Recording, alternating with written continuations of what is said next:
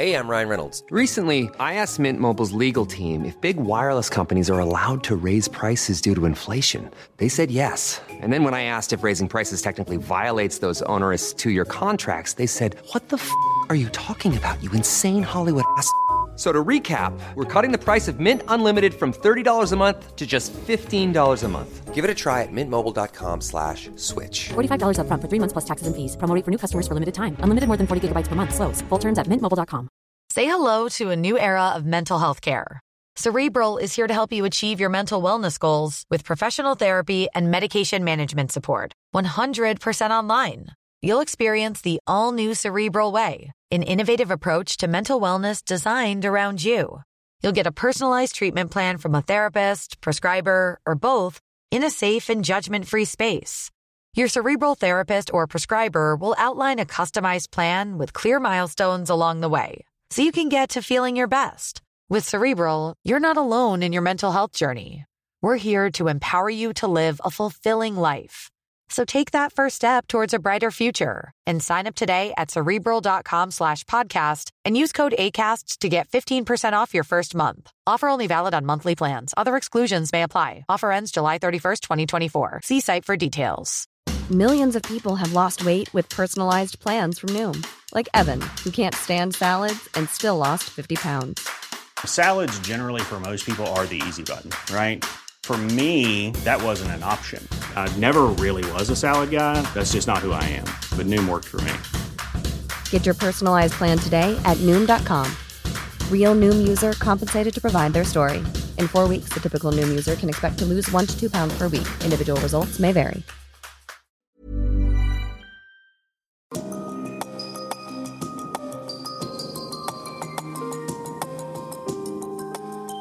Du lytter til podkast fra Oslo Militære Samfunn. Besøk vår hjemmeside oslomildsamfunn.no, og se oss også på Facebook, Twitter og LinkedIn. I kveld har vi besøk av bedriftsleder Berit Svendsen, som ledet det forsvarsdepartementsnedsatte utvalget som bar hennes navn. Av utdannelse er hun sivilingeniør fra NTH, og hun har en mastergrad som er et samarbeid mellom NTNU, Massachusetts Institute of Technology og Norges handelshøyskole. Hun var, som mange vil vite, konserndirektør i Telenor og admdir i Telenor Norge fra 2011 til 2018, og er nå leder for VIPS internasjonale satsing. Veien til et høyteknologisk forsvar, økt evne til å kombinere mennesker og teknologi, er tema for hennes foredrag. Berit, talerstolen er din. God kveld, alle sammen. Eh, veldig hyggelig å være her hos eh, dere i dag og presentere vår rapport fra Svendsen-utvalget, som dreier seg om Forsvarets evne til å ta i bruk ny teknologi hurtigere enn det vi ser i dag. Og vi leverte rapporten til forsvarsministeren den eh, 25. juni. Og i utvalget eh, så satt Katelin Kathleen Offmann Mathisen fra Grieg Seafood, Marit Warnke fra Bergen næringsråd, Christian Kramer fra NHO, Øystein Bakken eh, fra Telenor, eh, undertegnede eh, og Solveig Hellebust, tidligere konserndirektør i DNB. Og vår oppgave var eh, noe så omfattende som vi skulle vurdere hvordan Forsvaret ved hjelp av økt mangfold eh, og bedre evnen til både å rekruttere, beholde, utvikle og avvikle kompetanse eh, for å få frem det nødvendige kompetansemangfoldet for å møte de utfordringene Forsvaret står overfor i dag. Og Vi skulle altså ikke bevege oss inn på den militærtekniske siden. det er det viktig å understreke med en gang. Vi skulle se på kompetansesiden. Og vi holdt på ca. ett år. Eh, Vi starta i august 2019. Så det var resultatet av ett års arbeid som ble lagt fram den eh, 25. juni. Og vi er alle stolte av Forsvaret, bare for å begynne med det. Eh, Forsvaret leverer operativ evne hver eneste dag, og det ser vi. Og de overrasker også. De var på plass eh, og guida eh, de nordmennene som kom hjem under utbruddet av covid-19 i mars. Da var Heimevernet på Gardermoen.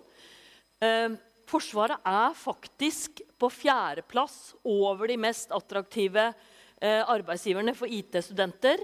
Og så er jo vårt spørsmål utnytter Forsvaret det i stor nok grad. I tillegg til det så har jo antall kvinner som fullfører førstegangstjeneste, har jo økt opp til 29% Og det syns utvalget er veldig, veldig bra. Utfordringen er at kvinnene forsvinner. Og på vei mot toppen så er det veldig få kvinner igjen. Og så er jo det store spørsmålet da eh, hvor står Forsvaret? Og det er et økende trusselbilde i det digitale rom. Og det er også sånn at Norge er et av verdens mest digitaliserte land. Så et angrep i det digitale rom på Norge vil slå hardere enn veldig mange andre steder. Det er en rask teknologisk utvikling. Eh, det er viktig å ta i bruk ny teknologi for å henge med i svingen. Og det gjelder både bedrifter, det gjelder eh, offentlig sektor. Eh, og det dreier seg om å få inn ny kompetanse som klarer å se mulighetene med ny teknologi. Og det dreier seg om å ha mangfold i kompetansebasen. Ha erfaring utenfra fra de som har stått i endring. Ha erfaring i utdanningsgrunnlag. Ha erfaring i kjønn og etnisitet for å møte de eh, utfordringene man ser. Og det er kraftige ambisjoner. Regjeringen har sagt at uh, Forsvaret skal bli best på å nyttiggjøre seg ny og eksisterende teknologi. Ambisjonen er hengt opp av Erna Solberg-regjeringen. Og Forsvaret skal også bli uh, blant de beste i Europa på innovasjon og eksperimentering. Og dette det må jo vi si fra utvalgets side. Dette liker vi. Og det vi i utvalget har observert, det er at det er, eh, med all respekt å melde, teknologiutvikling, cyber, digitale trusler preger i veldig liten grad utviklingen av det forsvaret vi ser i dag. Jeg har bakgrunn fra Televerket, som siden ble til Telenor. Og hvis ikke man hadde brukt teknologien til å utvikle eh, Televerket og Telenor som en bedrift, så hadde vi fremdeles bare drevet med fasttelefoni i Norge og ikke tatt steget ut og blitt en av verdens største mobiloperatører. Og Det hadde vært litt av en skjebne, fordi det er noen hundre tusen kunder igjen på fasttelefoni, og de fases bokstavelig ut med kunden. Rask teknologisk utvikling må i mye tydeligere grad på agendaen. og Forsvaret har vært flink til å ta nye våpensystemer i bruk. Men det er ikke det det dreier seg så mye om lenger. For FFI sier at veldig mange av de våpensystemene vi har i dag, vil være der i 2035.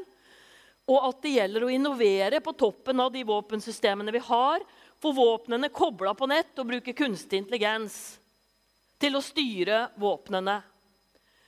Og IKT-området i Forsvaret trenger helt andre rammebetingelser enn vi har sett frem til nå.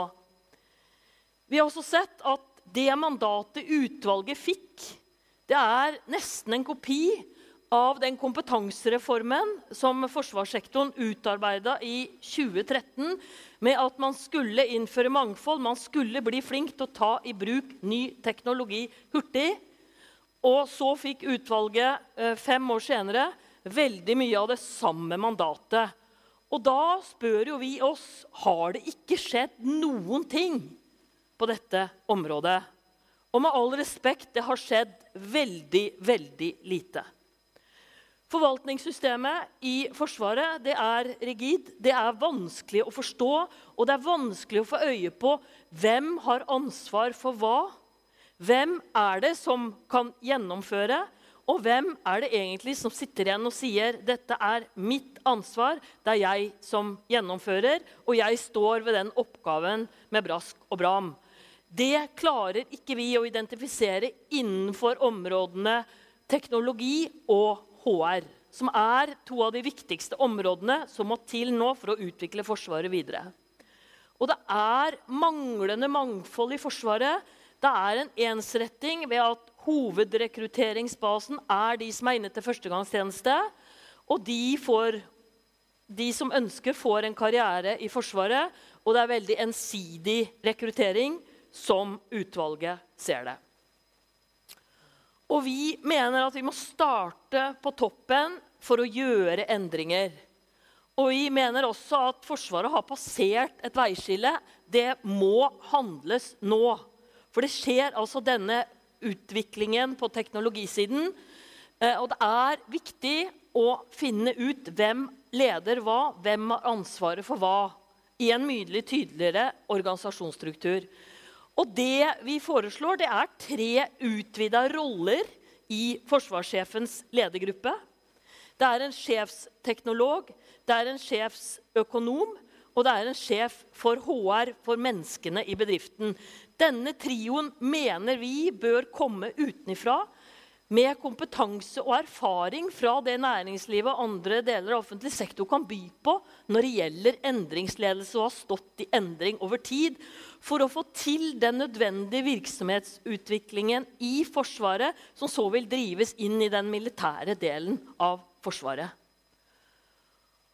Og vi mener at det er viktig å tilføre denne kompetansen raskt. Det er derfor vi foreslår at det bør være sivile eh, stillinger. Eh, at man må gå ut og lete etter kompetanse på utsiden. Og disse tre rollene bør også gjenspeiles ned eh, i hær, sjø og luft og de andre diffene. Sånn at du får på plass et cluster av teknologikompetanse eh, på ledelsessiden få på plass et cluster av HR som vil gjøre de nødvendige endringer. Og få på plass økonomer som er flinke til å stable tall. Det er jeg helt sikker på at de er i dag også. Men de må evne å se fremover og si hva vil det si å ta i bruk den nye teknologien. For det kan føre til en mye større effektivitet og en helt annen måte å drive virksomheten på enn vi har sett i Forsvaret frem til nå. Og denne økte lederkraften fra toppen Vi mener at Forsvaret må ha riktig kompetanse for å ta beslutninger.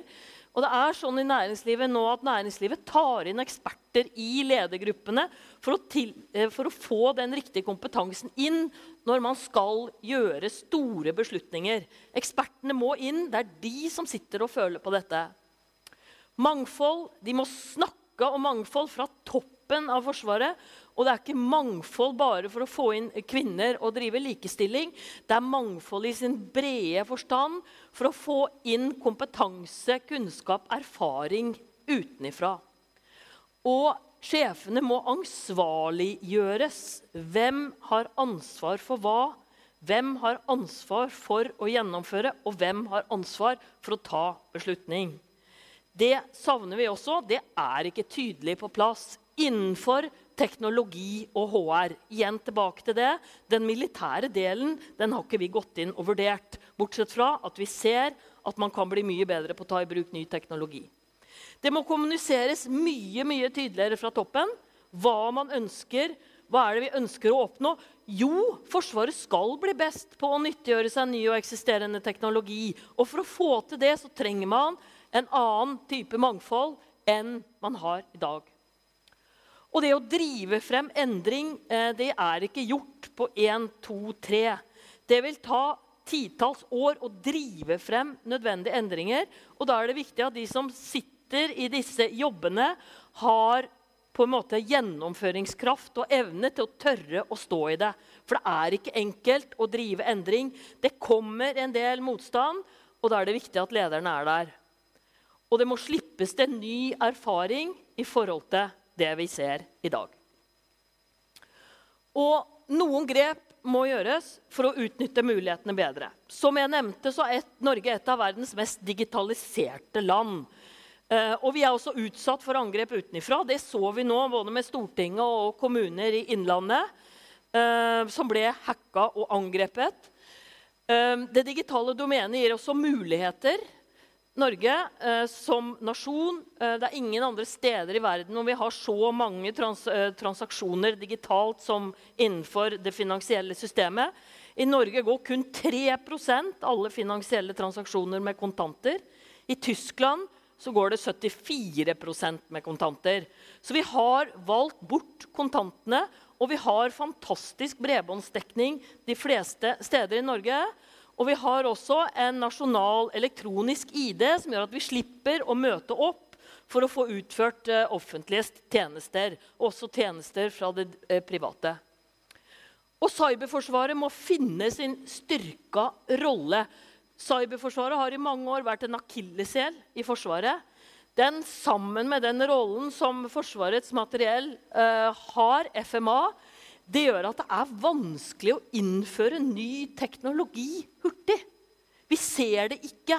Det er vanskelige prosesser, det er langvarige prosesser. Og man risikerer faktisk at teknologien er utdatert før Forsvaret tar den i bruk. Og man kan ikke bruke samme mekanismer for å innføre IKT som man har brukt på å innføre svære våpensystemer. Det er annen logikk som teller. Teknologi og innovasjon som jeg var inne på, trenger helt andre rammebetingelser enn vi ser i Forsvaret i dag.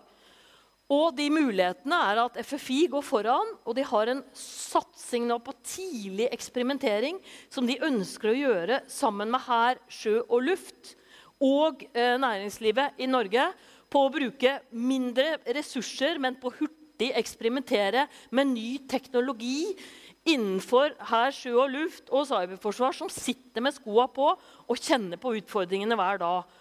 Og hele poenget må jo være å drive innovasjon på toppen av de store data, eller de store våpensystemene vi har i dag. Og For å få dette til så må man endre måten man jobber på. Og det er viktig å heie på dette fra toppen. Det er dette man skal heie på. Det med å innføre ny teknologi hurtig. Og Vi snakker også veldig mye om mangfold i vår rapport. Og som jeg sa, så er ikke mangfold for å drive kvinne- og likestillingskamp. Det er ikke det vi snakker om. Mangfold betyr å utnytte forskjellene mellom menneskene. Og vi må se en bredere uh, type kompetanse, erfaring, bakgrunn med de som jobber i Forsvaret. For da kommer de gode ideene.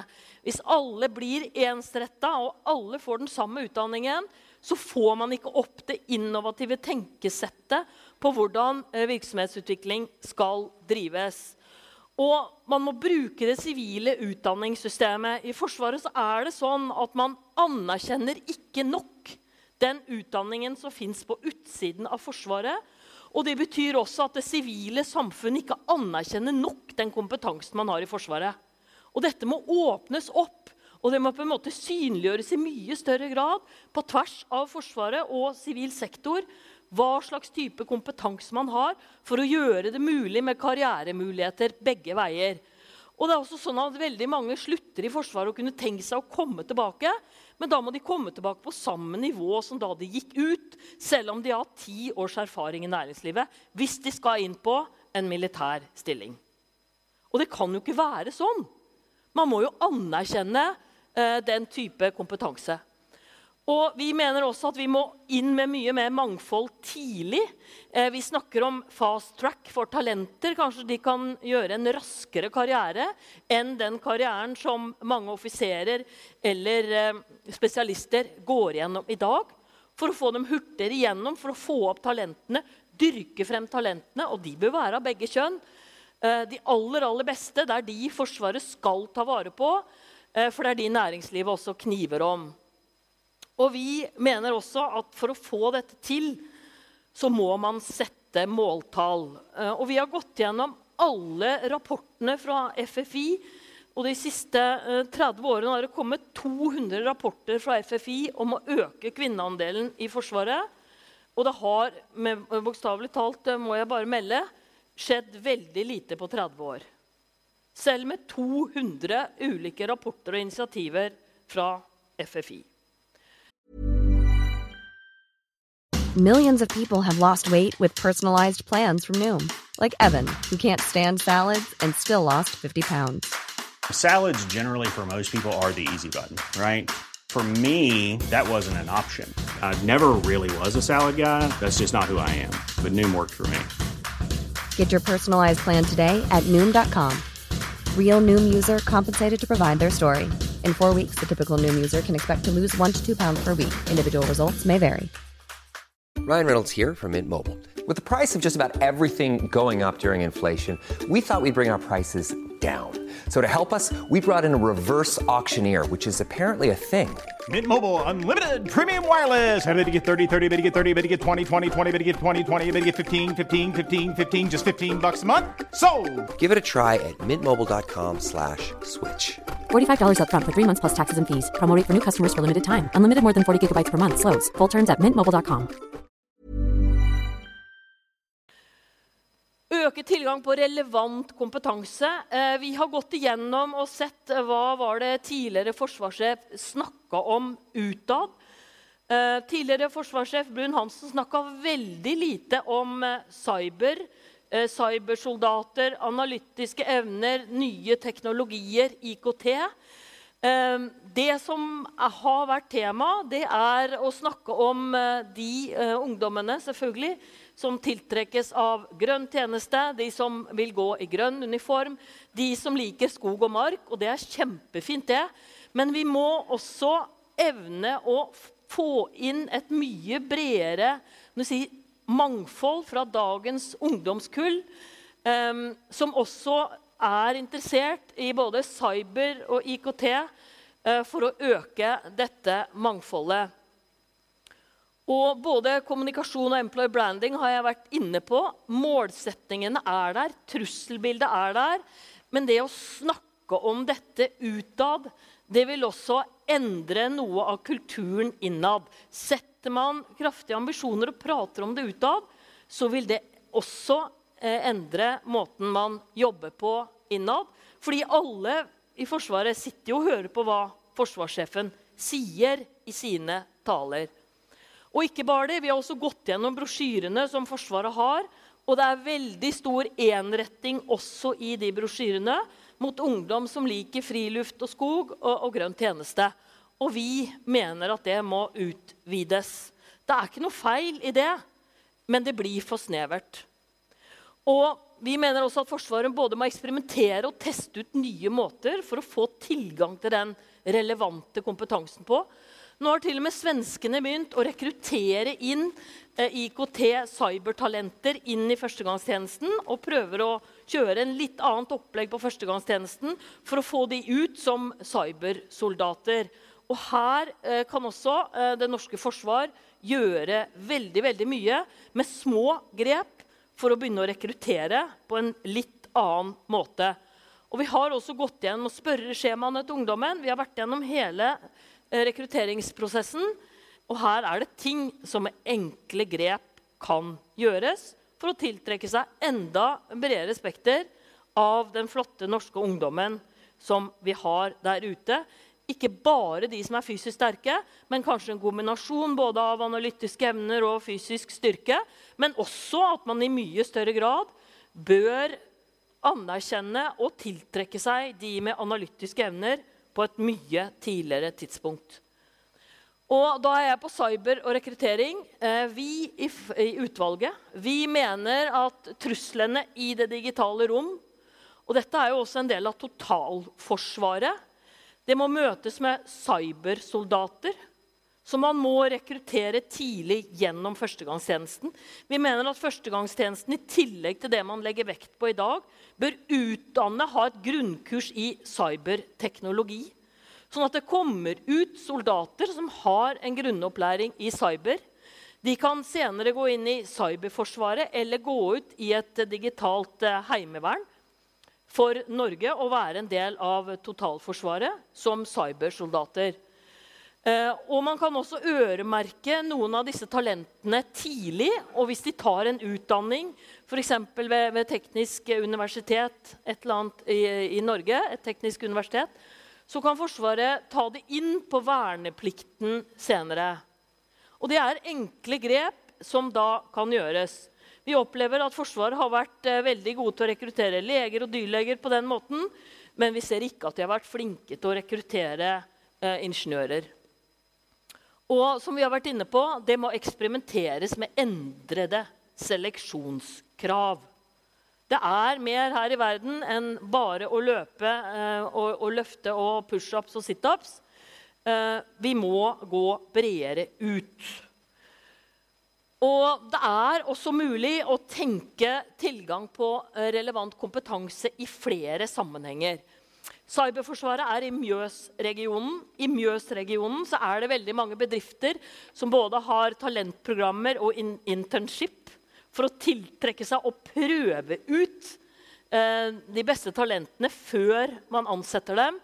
Cyberforsvaret er ikke en del av det, og det bør de bli. Man kan utnytte inngåtte strategiske avtaler for å få tilgang til annen type kompetanse enn det Forsvaret har i dag. Eh, og man kan utnytte den geografiske muligheten man har, eh, og da tilbake til å eksperimentere med ny teknologi sammen med næringslivet, som kan gi tilgang til kompetanse fra næringslivet som man på en måte kan la flyte inn i Forsvaret på en helt annen måte enn vi ser i dag. Og stikkordet her eh, det er samarbeid på tvers med næringslivet. Og det som er veldig veldig hyggelig, det er at næringslivet står i kø for å bidra til at Forsvaret får fornya kompetanse, får inn ny kompetanse. I DNB har vi sett på et tiltak som heter Talent Review. Eh, det driver veldig mange eh, bedrifter i næringslivet med. Eh, og det er vel og bra at du blir rekruttert av sjefen din eller pekt på av sjefen din til å være med i et talentprogram. Men i DNB er man også veldig klar over at det er ikke alle som er like god venn med sjefen sin, sånn at man kan melde seg på selv og bli en del av et review. Dvs. Si at det er andre som eh, reviewer deg, enn bare sjefen din. Bergen havn foreslår en kompetansehub. Dvs. Si at det er praksisplasser på tvers Eh, i, eh, mellom Bergen havn og andre i et cluster eh, for å gjøre det enklere å komme, eller ha kompetanse inn og ut av Forsvaret. NC Seafood foreslår en ressurspool som skal virke på samme måten. Dvs. Si at man har en ressurspool av gode mennesker som kan enten rekrutteres inn på den ene eller andre, og teste de ut og prøve før man eventuelt gir fast ansettelse. Um, kryssende tjenester og byttepersonell og hospitering. Det er det vi har fått innspill fra, uh, fra næringslivet. Men hele poenget må være Ta og Test ut kompetansen, gjerne sammen med andre bedrifter. Tenk både talentprogrammer, internship Det er over 100 av dem i næringslivet. Man kan gjøre akkurat det samme i Forsvaret, slik at man slipper å uh, ansette før man får testa ut og man kan tiltrekke seg helt uh, nye uh, kandidater med helt andre talenter enn man gjør i dag. Å øke tilgang til relevant kompetanse når det gjelder høyskolen. Vi mener at Forsvarets høgskole istedenfor å være en høyskole for de få, for offiserene i veldig stor grad, det er trangt nåløye, alle vil gå der, så mener vi at Forsvarets høgskole kan brukes til å øke teknologikompetansen i hele Forsvaret. Spesialistene slutter. De får til og med betalt for å slutte eh, når de er 35 år. Hadde det ikke vært smart å tenke vi bør beholde spesialistene og gi dem en formell utdanning gjennom kurs på Forsvarets høgskole? Forsvarets høgskole eh, bør bli betydelig mer digitale enn de er i dag. Og de bør være en koblingsboks for å få kompetanse, utdanning utenifra, og i tillegg selvfølgelig innenfor militær kjernekompetanse, sånn at de klarer å skreddersy kurs som passer for en mye større del av Forsvaret enn det vi ser i dag. Og dette er enkle grep, og dette kan uh, være det som gir, uh, gjør at en spesialist blir i Forsvaret for han faktisk var anerkjent at han har fått en utdanning på innsiden, som også verdsettes på utsiden av Forsvaret. Og det med å skreddersy små og store digitale kurs, eh, det driver næringslivet med, og det driver akademia i Norge med. Så her også er det god læring å hente utenifra. Og insentiver for å beholde. Eh, vi mener jo det skal være mulig å differensiere på fastlønn. Man eh, får eh, god anerkjennelse i Forsvaret hvis man har stjerner og striper og, går oppover i systemet. Men vi i utvalget vi mener også at kompetanse i mye mye større grad må telle for et opprykk og lønnsøkning. Og som jeg sa, så betaler Forsvaret spesialistene for å, å slutte. Eh, det er jo helt utrolig hvis man er en cyberingeniør, og så får man betalt for å slutte i Forsvaret, og så går man ut til en kremjobb i næringslivet. Eh, næringslivet vil jo heller si kanskje vi skal betale for å beholde dem. Så det er jo en alternativ bruk av den bonusordningen. Pendlerrettigheter må ikke diskrimineres. Vi mener at Man må se både på de som har familie, og de som ikke har familie, og ikke diskriminere de som ikke har familie. Vi har sett på boligpolitikken. Vi mener at den bør eh, markedsutsettes. Noen av de eh, boligene til Forsvarsbygg de er ikke på det nivået de bør være. Eh, når man blir beordra til andre steder i landet, så får man et veldig dårlig sted å bo i tillegg. Markedet må inn. Delegering av fullmakter er nødvendig. Ja, vi skjønner at det må være system og struktur på lønnsavregning. Men det må være sånn at en sjef må kunne bestemme hvem han egentlig har lyst til å ansette, og ikke alle mulige andre sjefer i Forsvaret som vi opplever at det er til en viss grad. Og dette er jo en av de mer spennende initiativene som vi kommer opp med. Det er forsterket satsing i nord. Eh, her kan virkelig Forsvaret ta sin del av eh, totalforsvarsansvaret. Nord-Norge kan bli eh, en av verdens fremste regioner for å ta i bruk ny teknologi. Og da er det her sjø og luft som bør sitte i front sammen med, med FFI som har eh, bygd opp eh, nå eh, spennende initiativer for å ta en sånn rolle og dra inn næringslivet.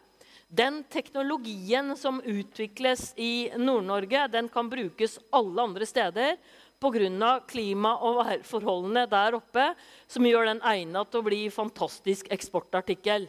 Men da må Forsvaret komme i gang, og det må opp en strategisk satsing. Og vi mener også at dette kan ikke Forsvaret gjøre alene. Her må det være politisk handlekraft og delegering av mer makt til de som sitter med skoa på, til de lokale sjefene eh, som er i hær, sjø og luft, spesielt for å løse noen av de store samfunnsutfordringene. Og igjen tilbake til det er innovasjon på toppen av de våpensystemene vi har i dag, som må settes høyt på agendaen. Og vi mener også innenfor HR og teknologi eh, så må logikken i dagens forvaltningssystem utfordres. Eh, vi har funnet 5000 styrende dokumenter og 1100 instrukser. Og vi spør hvem er det som har oversikt over alt dette. Igjen tilbake til hvem har ansvar for hva.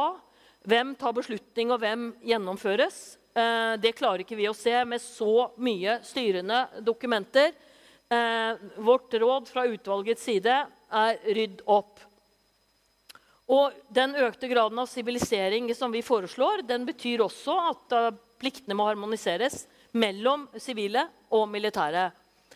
Um, jeg har nevnt styringssystemene. Forsvarssjefen bør være mer toppleder. Han skal både lede det militære og han skal lede virksomhetsutviklingen. Og vi ser også at det er veldig uklart, som jeg nevnte både på teknologisiden og på HR-siden, eh, hvem har ansvar.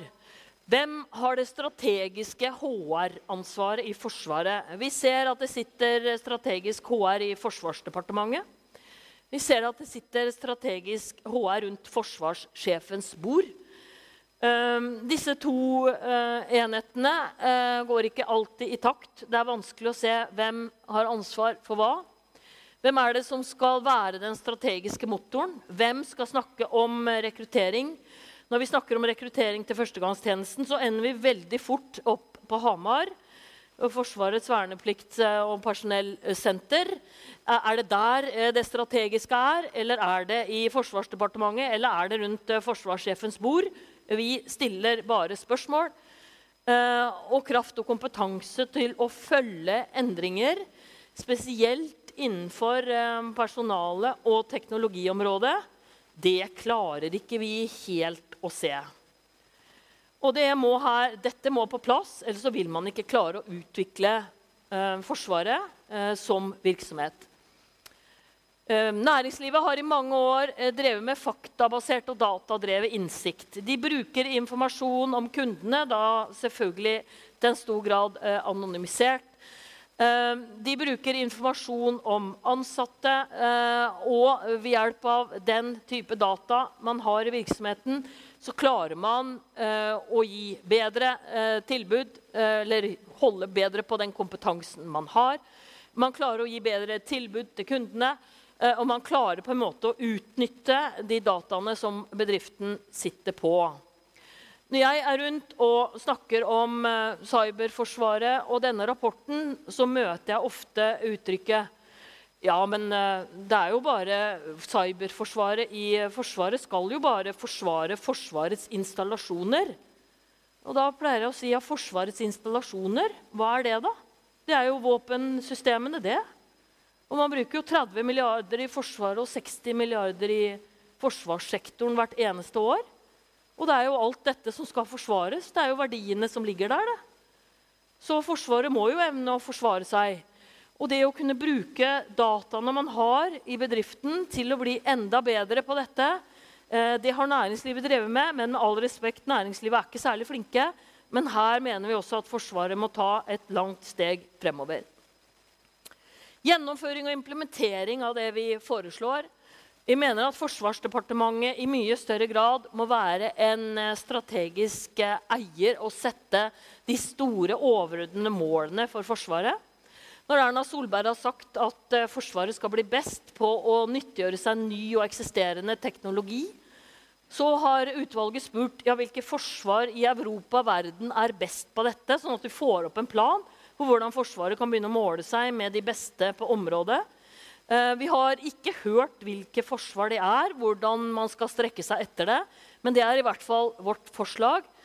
Ehm, forsvaret må eh, kunne evne å ta inn dette mangfoldet. Jeg syns ikke at FFI skal komme med rapport nummer 201, og fremdeles så skjer det ingenting på kvinnesiden. Eh, DNB, hvor jeg har sittet i styret i mange mange år, de satte opp en målsetning om 40% kvinner på de fire øverste nivåene. Og nå tror jeg de har 38% eller noe sånt. Så alt dette er mulig, men det tar ti år. Eh, NRK har vært fantastisk flinke på å tiltrekke seg minoriteter. Så her mener vi også det er noe å lære. Og gevinstene ved innføring av ny teknologi de kan være betydelige. Og Det er derfor man trenger en sjefsøkonom som kan evne å jobbe sammen med sjefsteknologen og resten av Forsvaret på å se hvordan Forsvaret kan bli best på å nyttiggjøre seg ny teknologi, og hvilke gevinster man kan hente ut ved å nyttiggjøre seg den teknologien. Og Vår erfaring er at vi foreslår jo veldig mange tiltak for eh, Forsvaret. Og vi foreslår også at Forsvarsdepartementet bør tenke hva slags nødvendig kompetanse de trenger for å styre Forsvaret på en optimal måte. Og Da har jeg møtt to forskjellige holdninger. Det er bare å være ærlig på. Eh, veldig mange i Forsvaret liker de tiltakene vi har foreslått for Forsvarsdepartementet. Og Forsvarsdepartementet liker helst de tiltakene vi foreslo for Forsvaret, og ikke for seg selv. Og Det syns jeg er litt interessant, fordi det er mye enklere å endre andre enn seg selv. Eh, men i hvert fall, vi har foreslått endring eh, både for Forsvarsdepartementet og for Forsvaret. Og det var egentlig det jeg hadde tenkt å si. Eh, da skal jeg bare avslutte med å si at eh, rapporten er sendt ut på høring. Og det er høringsfrist i begynnelsen av desember. Og jeg håper at de av dere som har mulighet, eh, sender inn et høringssvar. For det trenger vi for at dette skal bli tatt i bruk. For vi fra utvalgets side vi er i hvert fall ikke i tvil om at dette bør settes i et system.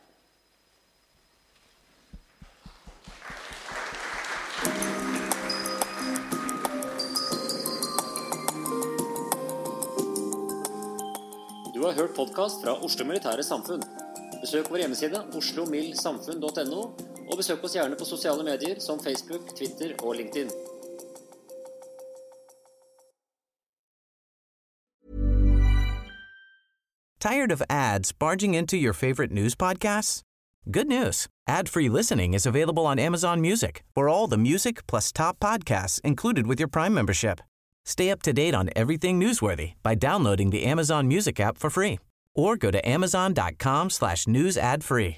That's amazon.com slash news ad free to catch up on the latest episodes without the ads.